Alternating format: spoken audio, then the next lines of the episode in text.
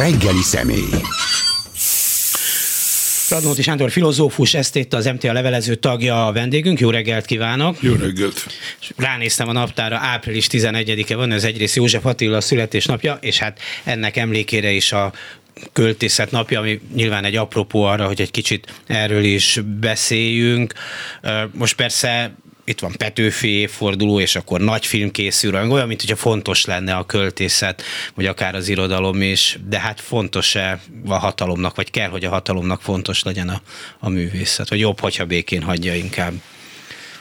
Hát ez egy olyan kérdés, ami koronként és helyenként változik. Van olyan hatalom, aminek rendkívül fontos, van olyan, amit tökéletesen közömbös, van olyan, ami ö, rendkívül érzékeny arra, hogy a ö, ö, politikai kritika ne hangozzon el, úgyhogy mindegyik más. Most itt Magyarországon akkor nézzük meg, hogy mi a helyzet ebből a szempontból. Ugye van egy ízlés bizonytalanság, ez nem csak Magyarországra vonatkozik, hanem általában a, a, az egész korszakra, sőt, még régebbi korszakokra is egész a 19. század elejétől az ízlés bizonytalan. Nagy költők is írnak nem csak gyenge verseket, hanem ízléstelen verseket, vagy ízlésgikszerek, jelennek meg. Más egy olyan korábbi korszak, amikor egy meghatározott és viszonylag biztos ízlés szabályozza a műalkotásokat épp úgy, mint a mecenatúrát, a hatalomhoz való viszont. Na most ebben az általános keretben azt lehet mondani, hogy bizonyos területeken nagyon ambíciózus a, a mai hatalom, ilyen az építészet. Általában diktatúrák szeretnek építeni, szeretnek, ö, ö, szeretnek szeretik megörökíteni a, a maguk korszakát. Nem nevezni Magyarországot diktatúrának, csak ö, egy tekintély elvű rendszernek, de kétségtelen, hogy, hogy az építészet az nagy ambíciója. Minden területet végig kellene venni. Az De az építészet, bocsánat, az csak ízlésbeli kérdés, vagy azért mondjuk egy, egy szonetten nem lehet annyi pénzt keresni, mint egy szép nagy állami beruházáson, egy nagy épületen? Nyilván ez is, e, e, ezzel is összefügg, tehát könnyen lehet lecsippenteni, vagy lehasítani kisebb-nagyobb összegeket ilyen nagyobb vállalkozással. Igen, ez is, nyilván ez is szempont. De a fő szempont az önmegörökítés, tehát az, hogy nem hagyom úgy a, a fővárost el, vagy nem hagyom úgy a jelentősebb városait Magyarországnak, hogy ne legyen valami, ami emléket állít rólam a hatalomról. És ez a nagyon gyakran mostanában a királyi várban, vagy az egykori királyi várban történik. Tehát hát, ilyen jelképes tereken. Tehát nem arról van szó, hogy a külvárosok utcáit lebetonozzák és szép művelődési házat építenek, bár lehet, hogy ilyen is van, hanem ilyen, ilyen, ilyen a háborúban eltűnt épületeket például vasbetonból újra csinálnak. Hát igen, ez a reprezentatív építészet, amelynek éppen a vára a, a legjobb, vagy más tekintetben legrosszabb példája, hiszen ott egy olyan eleve sem túlzottan értékes építészeti együttest akarnak visszaállítani, amely tulajdonképpen, ha már így kellett lennie, ízlés szempontból szerencsésebb volt, hogy, hogy elpusztult. Hát de most újra föltámad, most nem újra tudom, 80 föltámad. évvel, vagy nem tudom, 70 valány évvel később. Igen, céltalan épületek, amelyeknek ki kellene találni a hasznát, a, a hasznosíthatóságát, csak azért, mert pöffeszkedik a, a, a verdombon, ezért újra újra oda kerül. Igen, ezek, e, e, ezek rémes és szomorú dolgok. És így eszembe jut, hogy a hatalom ízlése, hogy mondjuk az utóbbi években, és vannak persze kivételek, de milyen köztéri szobrok kerültek Budapestre. Hát van egy-kettő olyan, hogy ránézel és gyomorantást kapsz. Nyilván van egy-egy jobb is persze, de hát... Itt is érdekes az, hogy mi az, amit, mi az, amit helyrehoztak. Például a Tisza szobor a parlament északi részén az egy olyan alkotás, amely már a maga idejében is minden biztosítékot kiütött, tehetségtelennek tartották joggal, pöffeszkedőnek tartott találkozták az oroszlánnal a tetejében, a teljesen jellegtelen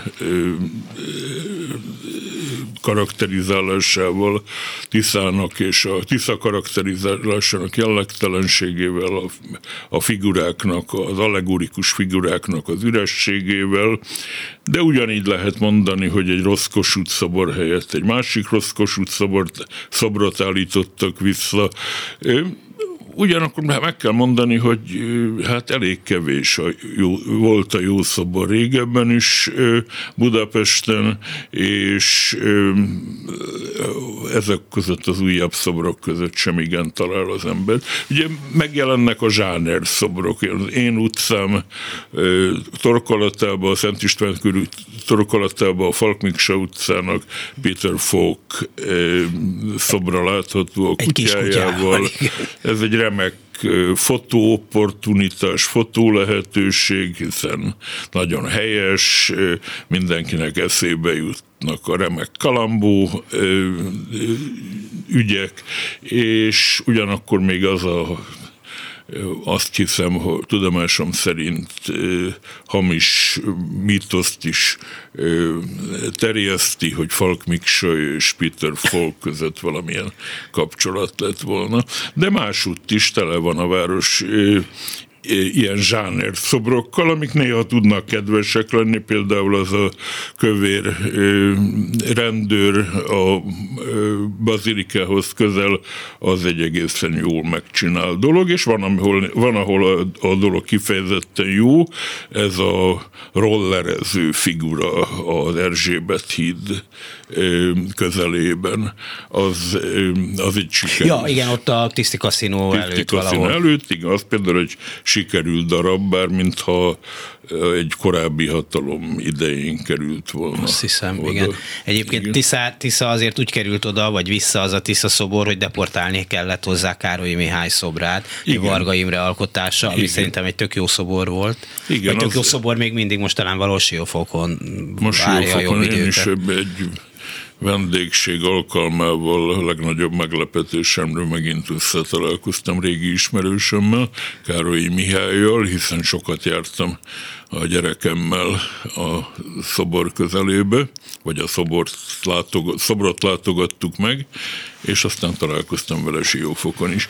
Igen, Varga ővrje, életműve sok tekintetben vitatható, de vannak emlékezetes szobrai, ilyen például a Radnóti Miklós szobor, amelynek egy másolata a Radnóti Miklós színház előtt látható, ez sikerült alkotás, és hadd tegyém itt hozzá, hogy a, a e, Sziget utca, Radnóti, most Radnóti Miklós utcában, ut, utcában egy iskola mellett van egy másik Igen, szobrásztól egy Radnóti Miklós szobor, amely meglepően közel áll a Vargaféle Radnóti szoborhoz, ugyanúgy egy, egy korlátnak támaszkodik, de azon tanítani lehetne a tehetséges és a tehetségtelen szobrász különbségét.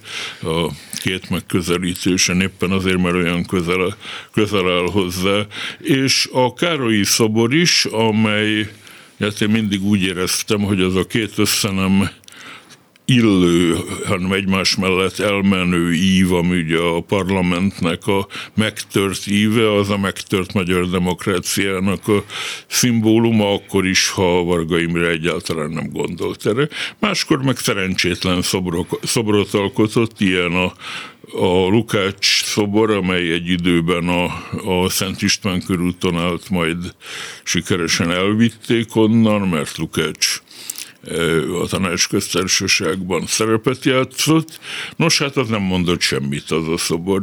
Ott, ott nagyobb elánnal és nagyobb ambícióval volt megfaragva a, az a makkalakú kor, a, a korlátnak az a mak végződése, a Dunaparti korlát ilyen, mint Lukács alakja. De ezek a tör... Ez is kvarga egyébként. Hát sok szobra volt, még a, nem sokan a rendszerváltás előtt csinált egy talán tanácsköztársaságra emlékező szobrot, az nagyon hamar kisétált a szoborparkba. De mindezek a történetek azt mutatják, hogy azért az aktuális hatalom próbálja hát a, a tereket is uralni, hogy a, nem esztétikai kérdésként kezeli ez, ezeket a típusú szobrokat, hanem ki, ki teheti ide, ki arról, hogy Tisza vagy Károly. Mi? Hello, Károly, mehetsz. Hát minden esetre ennek most egy aktuális és nagyon nehezen értelmezhető eh, változata ez a bizonyos ugrószarvas, aranyugrószarvas a ja. postapalota, postapalota előtt, amelynek még a szimbolikáját is nagyon nehezen és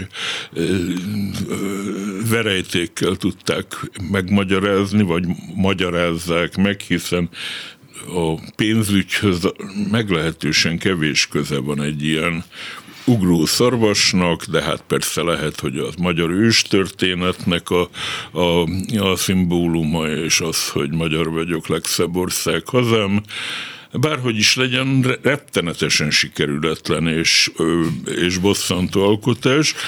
Általában azt lehet mondani, hogy a, hogy a rossz alkotások valahogy belesimulnak a környezetbe előbb-utóbb, és vannak zseniálisan rossz alkotások, amelyek soha nem simulnak be, hanem újra és újra feldühítik az, az embert. Ilyen ugye a régi vita a, a Nemzeti Színházra, a Nemzeti Színház nem tud belesimulni belesimulni, legalábbis számomra nem tud belesimulni a környezetébe. Jó, hát az annyira rondára sikeredett, és annyi, tehát abban abba munka van, hogy ronda legyen. Igen, hát ezt akarom mondani, és az a sejtésem és jóslatom, hogy ez az aranyszarvas is ilyen fog maradni. De van, van szerintem jelentése egy ilyen kivagyi, mindenre fityet hányó, de a pénzt főúri gesztussal kétségkívül más pénzét odavágó Igen. hatalom jelképe. Igen. Ilyen szempontból Igen. van annak jelentése talán. Igen. Lehet, hogy az Hozzá alkotók tenni, hogy egyáltalán nem tehetségtelen művészről van szó, akinek ezek a fából kialakított állatszobrai, szobrai, azok néha egész érdekesek és jók. Hát mikor elkezdte csinálni, akkor jó ötletnek tűnt eleinte, aztán nagy volt a megrendelés állomány, már nem lehetett gondolkozni. Igen. Azt hiszem ő csinálta a vadászati szarvasagancsokból lévő igen. bejáratát, és az is egy pff, szép alkotás. Az, az rettenetes, az tényleg rettenetes, igen. Most beszéltünk eddig olyan alkotásokról, amelyek pénzbe, sőt igen nagy pénzbe kerülnek. Kétség kívül, hogy az irodalom nem ilyen, és ott inkább azt lehet mondani, hogy egy mecenatúrára van szükség, amelyet hol be, teljesít, hol nem teljesít a hatalom. Kétségkívül politikailag nagyon elfogult, tehát igyekszik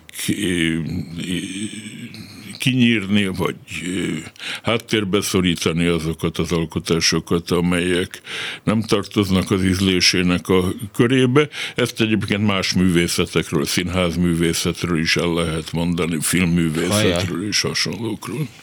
Hát meg vannak ezek a törekvések, hogy hogyan lehet átalakítani mondjuk az iskolai oktatásban, mely szerzőket ismertetnek. Mondjuk ha Vas Albertet bevesszük, és azt hiszem Radnótit jelentősen csökkentették a rászánt történetet, akkor biztos a népek hirtelen Vasalbert kedvelők lesznek. De hát attól Vasalbert valószínűleg nem lesz jobb író, hogy többet beszélnek róla. Nem csak nem lesz jobb író, tényleg igen gyenge író, hanem, hanem azt hiszem, hogy egy, a, kötelező olvasmányok rendszere az aznak a funkciója ma nagyon megváltozott, az inkább elidegeníti a diákot a, a olvasmányától, mint közelebb hozza hozzá. Erre lelkiismeretes és még mindig ambiciózus pedagógusoknak rendkívül sok ötlete van, hogy hogyan lehet mégiscsak vonzóvá tenni az irodalmat, hogy ez mennyire sikerül, ezek, ezt majd a következő nemzedékek mutatják. Annál is inkább a következő nemzedékek, mert azért ilyen tanárok is kevesen vannak, egyre kevesebben Igen. szükségkép. Igen. Bár hát azt szokták mondani, hogy a nyugatnak is nem tudom, mekkora volt a példányszáma, tehát a kortárs irodalom is például mindig relatíve kis körhöz jut el, vagy, vagy kisebb körhöz, mint amire gondolnánk mi irodalomkedvelők, hogy jó lenne. Ugye a 19. század második felében az ember azt gondolná, hogy, hogy ha Párizsba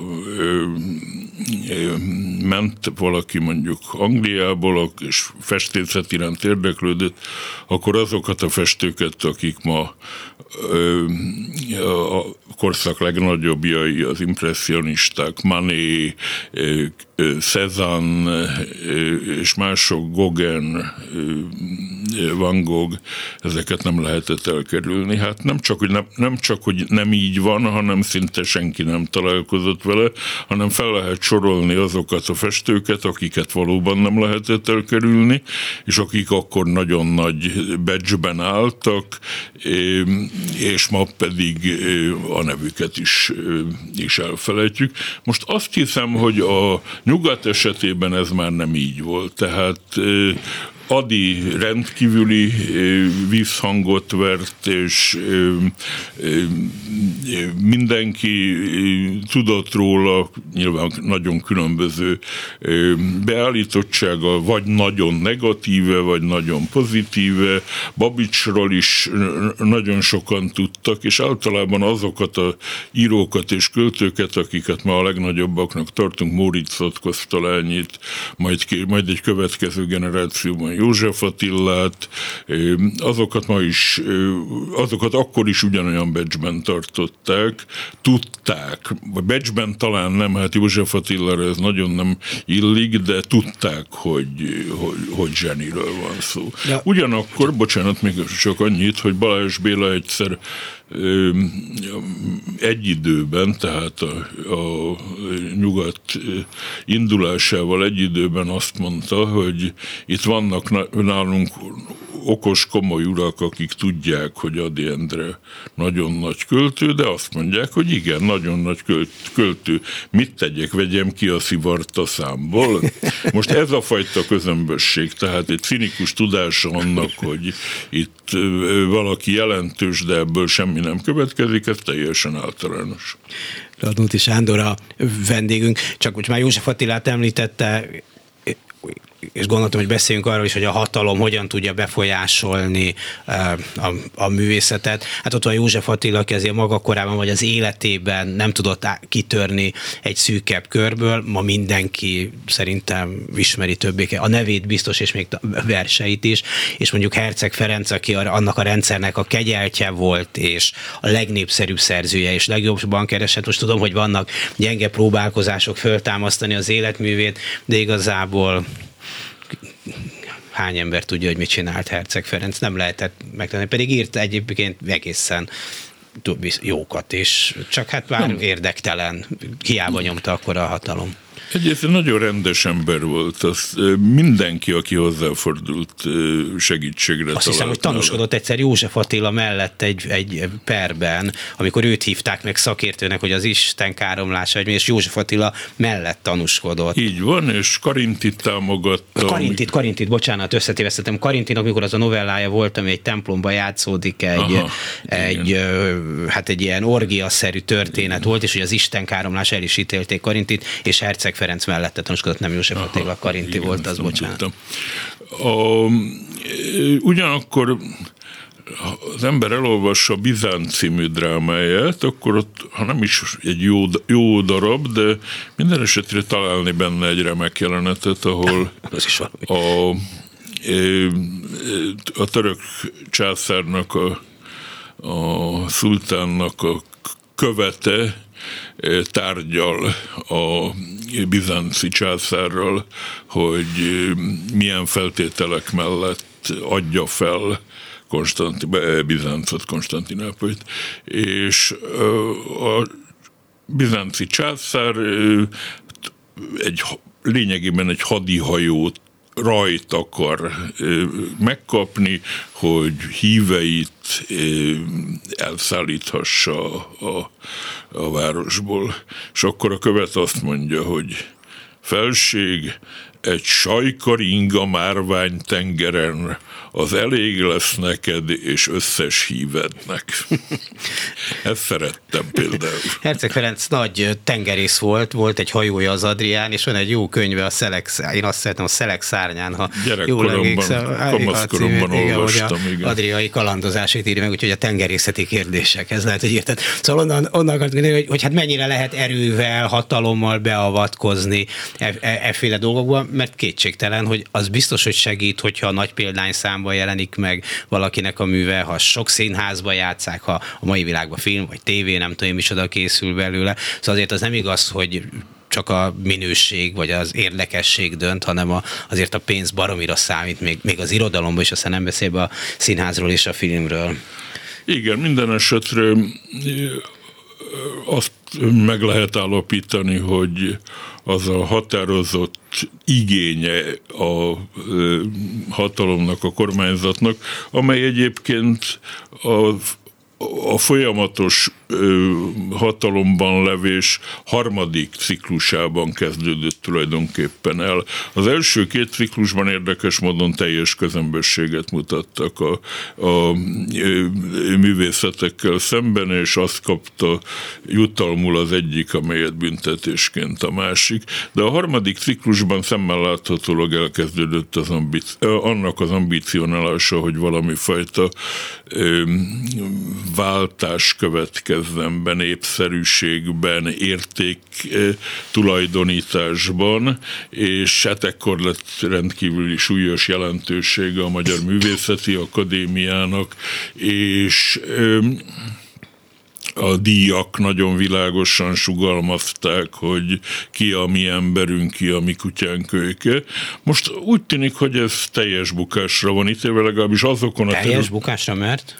Tessék? De miért van teljes bukásra? Hát minden színházigaz, nem minden, a színházigazgatók nagy része hogy hoz döntéseket, hát mit tetszik a hatalomnak, mi nem, aztán, hogy a közönségnek... Az Igen, azt akartam mondani, Jó, hogy azon a, azon a területen, amin, amit én viszonylag jól át tudok látni, tehát képzőművészet és, és elsősorban irodalom, irodalom területén van teljes bukásra ítélve, nevezetesen nem, követ, nem következett be a kánonváltás, nem következett be az értékváltás, továbbra is azok a, azokat az értelmiség továbbra is azokat tartja jelentős művészeknek, költőknek, íróknak, akiket eddig, tehát nem az, hogy kikap ma Kossuth díjat, az nem befolyásolja ezt a kérdést. Más kérdés természetesen, hogy abban a most a legutolsó Kossuth díjosztás botrányának botránya közepette, mindig van néhány jelentős művész, akit, aki, aki megkapja. Ebben Ebben az évben Bukta Imre a nagy festő, és talán és Ág István a jelentős költő. Tehát ez a, ezt a két művész tudom említeni, aki ott ebben a inkább rettenetesnek nevezhető listában, mint komoly értéket képviselő művészek megjelennektek. Igen, bár a különféle díjak részben, hogy mondjam, a, a trükközés eszközei lettek, mikor az színművészeti egyetemet megszüntették, és kellettek új tanárok, amik, akiknek illet volna, hogy legyenek tudományos eredményeik, fokozataik, ám de nem volt nekik, akkor azt mondták, hogy jó, akkor adunk egy állami díjat, és akkor ez pótolja a eddigi tudományos tevékenységedet és akkor igen, meg is volt, volt oldva ez a probléma. Ez volt már korábban is, hogy a Kossuth díj kiváltotta a doktorátust, ami vicces, eh, hiszen két teljesen különböző dologról van szó, az egyiket egyetemen tanítják, a másikat klasszikusan akadémián, eh, mint művészeti igen. akadémiákon, színházi, festészeti és ilyen akadémiákon. Igen, aztán ezt visszavonták ezt a rendelkezést, és lehet, hogy most most megint Azt, azt hiszem, van. igen, ezzel lehet segíteni. De hogy mennyire hát mennyire nehéz beleavatkozni a hatalomnak. Nekem ez a könnyű zenei, azt nem tudom mennyire figyeli, világba tetszik, hogy kinevezhetnek mindenféle bizottságot, hát szomorú, de idősebb öreg urakból, de hogyha fiatalabb, öreg, fiatalabbakból neveznék ki, az is tök mindegy lenne, és akkor majd ők eldöntik, hogy milyen legyen a zene. Miközben aki zenét hallgat a nagy része a YouTube-on, vagy a Spotify-on, vagy a mit tudom én, hol hallgat zenét, tehát annyira nem érdekli, hogy a hivatalosságok és a nem tudom én mit mondanak, mert azt hallgatja, amit akar, és ahol, ahol akarja nem, na, sokkal nehezebb már befolyásolni. Kétségkívül lehet 15 Tóth Gabi koncertet rendeztetni falunapokon, de hát attól még mi változik? Ebben kevés vagyok tájékozott, de azt kell mondanom, hogy amíg az irodalom be van zárva a nyelvbe, addig sem a képzőművészet, sem a zene nincsen bezárva, tehát ha nem találja meg a, a, a magyar könnyűzenei életben az ember a, a tápláléket, akkor ez tényleg bárhonnan elvehető vagy leszedhető. Igen, csak az jutott hogy az, az óvatosság, hogy és akkor volt egy előadás, a Beton Hoffi, ez most, ő, most az egyik legnépszerűbb ilyen rapper, és van egy vers sora, ahol valami olyasmit mond, most nem szó szerint eszembe a szövege, de hogy anyámnak írok egy SMS-t, és Orbán nézi közben a telefonomat. És mikor ez a, ezt a sort énekelte az állami tévébe, akkor mikor az Orbán volt, akkor azt így ki, ki, ki lehalkították, miközben aki ismeri a szerzőt, és, és követ azt, azt fejből tudja a dalait, azoknak olyan mindegy, akik meg nem ismerik, azok nem is hallgatják, tehát nekik is olyan mindegy. Tehát, hogy van egy ilyen, egy ilyen felesleges izmozás, meg óvatosság, hogy jaj, csak baj ne történjen belőle. Hát igen, ez a magánszorgalmú kutyák esete, hogy I. és Gyula mondta, vagy írta annak idején nagyon találóan, ez egy tényleg létező típus, még a evidensen létezik, léteznek cenzúra törekvések a mai magyar kultúrában, de ezeket fel is nagyítják azok az óvatos duhajok, akik, akik előre gondolkodnak azon, hogy miből lehet botrány, és miből nem. És aztán sokszor abból lesz botrány, hogy azt mondják, hogy ezt ne csináld, és ez elterjed. Igen, általában. Hogy, hogy, hogy bonyolultabb legyen a dolog. De hogyha egy hatalom így gondolkozik a művészetről, akkor ez azt jelenti, hogy egy kicsit tart tőle, nem? Mert azt gondolná, hogy semmi hatása nincs semmire, akkor ma beszéljenek, muzsikáljanak, bazsaváljanak ott, hol van, a kö, hol van a színészünk, mondta Orbán Viktor, amikor előrángattak, és amikor így beszél róla, de, ha, de azt mondja, hogy na most ez szabad és ez nem, akkor mégiscsak a hatásától tart egy picit. Nem? Ez egy lehetséges logika, de nem tapasztalom a, a valóságban. Vannak erre rendelt szakemberek, akik ezzel foglalkoznak, de hogy maga a hatalomnak bármilyen, ugye ennek a mai magyar hatalomnak a, a pszichéjét az az ember határozza meg, aki ennek a hatalomnak a letéteményes és tulajdonosa. Egy piramis épült fel Magyarországon, amiben lényegében minden jelentős kérdésben biztosak lehetünk, hogy, hogy Orbán Viktor dönt. Ez, ez nem kétséges, és ebből következően ez a kekeckedő karakter, ez a, a gyermekévek katonáskodását után ezt megszüntetni nem tudó karakter, aki állandóan militáns hasonlatokban gondolkodik, akinek ugye az alapgondolata az, hogyha nem tetszik nekik, akkor meghosszabbítjuk bicskéig, ezt a tökéletesen felesleges és senki által nem érd, senki, vállalkozást, ezt a kisvasutat, amire senki nem érdeklődik. Én magam kétszer is voltam rajta Na, életemben, mert megmutattam tréfából két különböző külföldi ismerősömnek, de hát akkor is nagyon magányos voltam ezen a vonaton, és mint hallom, tökéletesen érdektelen, de ez, a, e, ez határozza meg a hatalomnak a, a viszonyát, ez a meghosszabbítjuk bicskéig, mit érdekel ez engem, ez a állandó angardálás, és így tovább. Ezek, e, e, ezek a jellemzők, amelyek egy ember pszichéjét e, képezik le, és ahogy ez szokott lenni, erről ugye a Kádár rendszerben is jól emlékszünk, holott Kádár kevésbé militáns vezető volt, de minden esetre az ő szokásmondásai, szófordulatai, még az a jellegzetessége is, ami ugye egy bizonyos civilizátlanságra vagy műveletlenségre jellemző, mondjuk a mond, mondjuk, a mondjuk szót mondjuknak. Említette, ez megjelent a, a, a, a, alsóbb, a hierarchia alsóbb részein, szinte nevetséges volt a Káder paródiákat látni, és ma ugyanezt látjuk. Itt van például ez a most véletlenül eszembe fog jutni a nevever, a nevekkel hadilában állok, Mentszer Tamás nevű külügyi főférfiú, aki ugyanazt az arroganciát használja az érvelésében, amit olyan jól ismerünk a főnöke főnökétől. Igen, sok ilyen van, aki micsoda rossz paródista, legalább jól csinál. Bocsánat.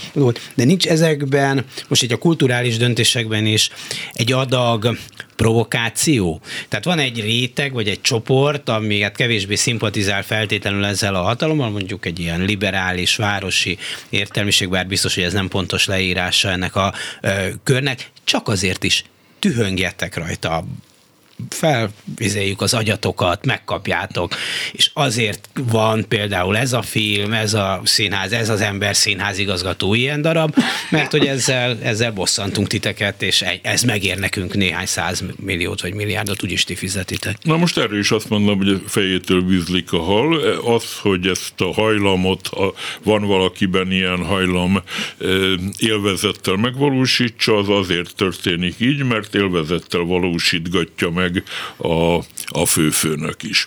De kétségtelen, hogy van, van ilyen jelenség, és egy fiatalabb generációja a politológusoknak, a, a politikai szakértőknek a hatalom a hatalom oldalán az valóban világosan és cinikusan játszik azzal a gondolattal, hogy olyan mondatokat, vagy olyan kifejezéseket használjon, amelyről vélheti, hogy, hogy agyvizet kap, vagy gutaütést kap a, a, az ellenfél. Ez, ez egy létező jelenség.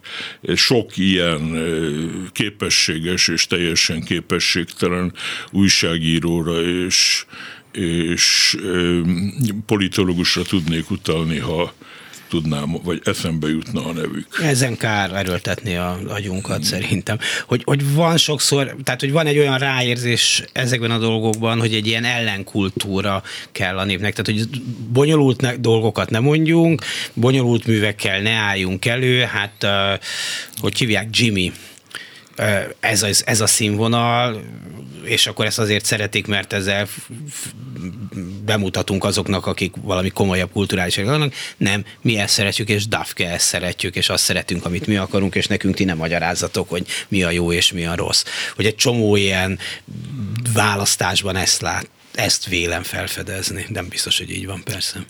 Igen, és hát akkor itt vissza kell menni a a propagandának a hihetetlen szerepére és jelentőségére a mai magyar életben, amely valóban a lehető leglebutítottabb és ezerszer ismételt tételekben akarja megmagyarázni a világot, tehát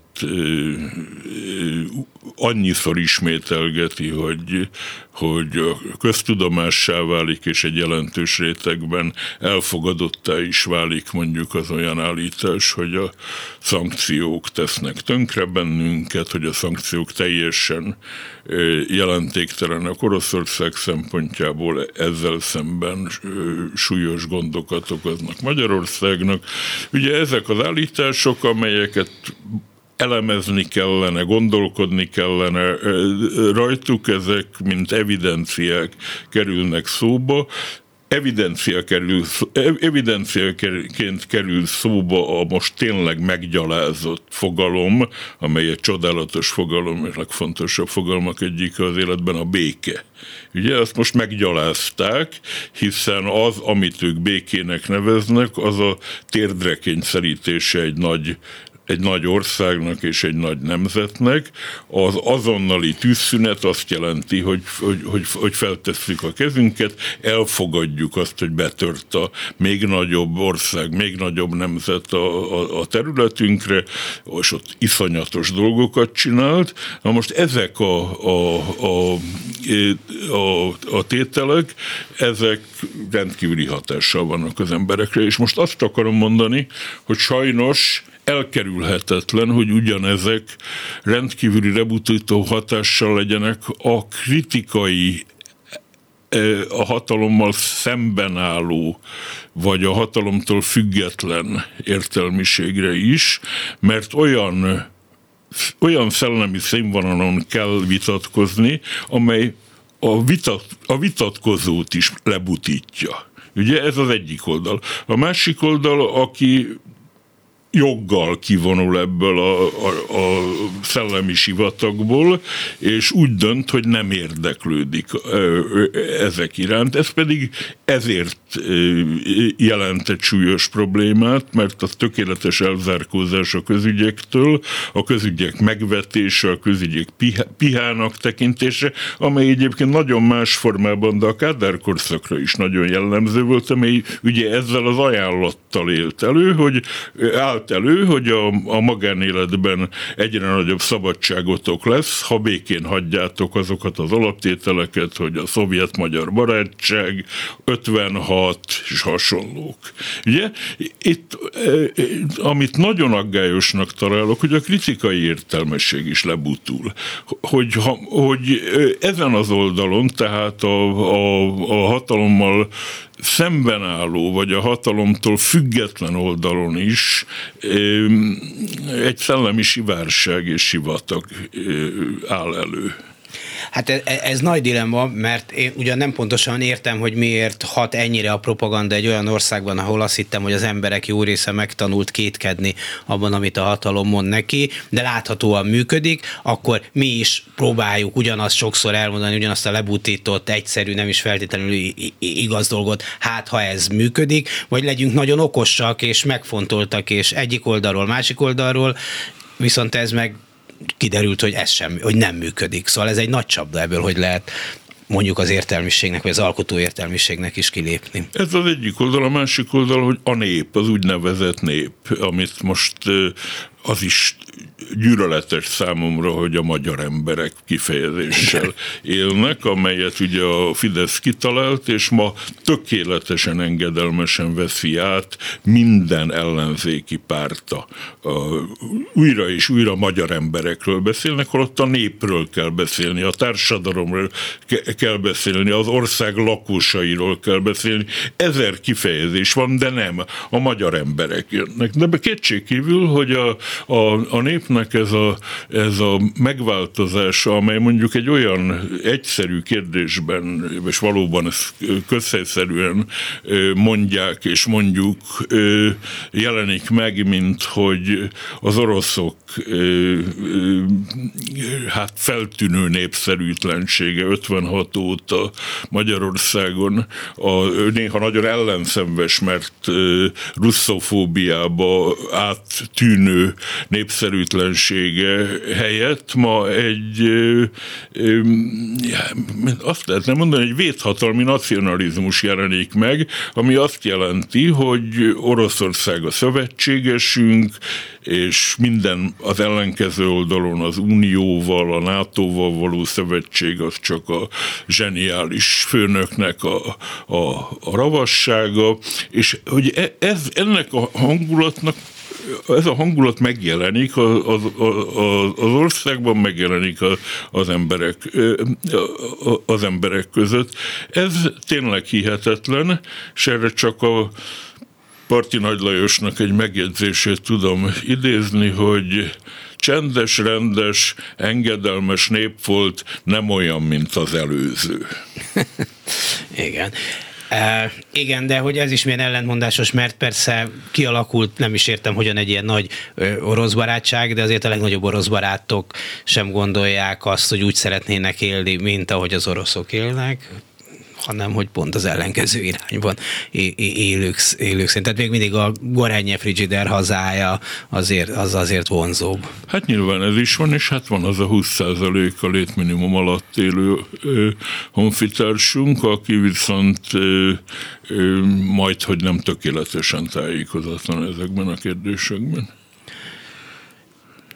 Igen, aki teljesen tájékozatlan, azzal nagyon nehéz mit kezdeni, de, de azért itt nagyon sok olyan embertől is hallok, vagy látok orosz párti véleményt, aki művelt nyelveket is akár beszél, csak egyszerűen a politikai elfogultsága valószínűleg olyan erős, hogy a tények nagyon könnyen elszaladnak a szem elől. Hát igen. igen.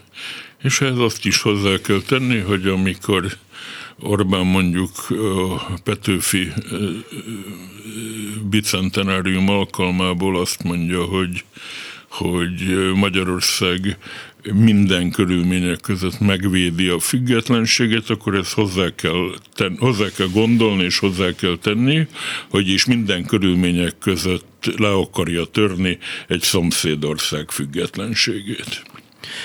Jó, hát Petőfi a legjobb példák közé tartozik arra, hogy a napi politikában hogyan lehet a egy költőt, az életművét fölhasználni teljesen függetlenül attól, hogy valójában ő mikor, mit és miért mondott, mert hát azért ma nem azok a viszonyok, mint 200 éve voltak, tehát minden csak Igen. egy ilyen erőltetett példa.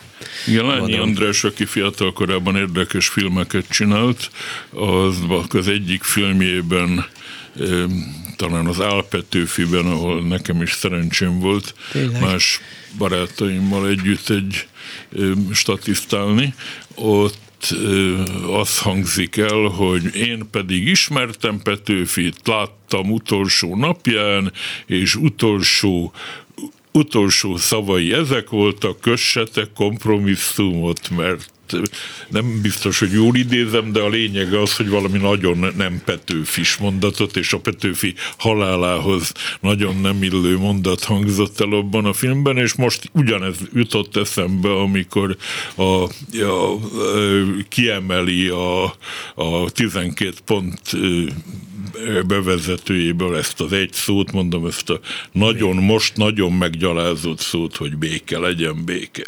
Igen, rá, nem akarom Lány András érdemeit csökkenteni, de szerintem Jókai a politikai divatokban megírta ezt a Petőfi sorsot, hogy túléli a szabadságharcot, és akkor hát mit tud tenni, behódol az új rendszernek, ez talán egy kiegyezés utáni műve már, azt hiszem, Jókainak. Úgyhogy ahogy Tuskó Hopkins mondta, hogy még egy irodalmi tekintélyre hivatkozak, nincs új alap alatt.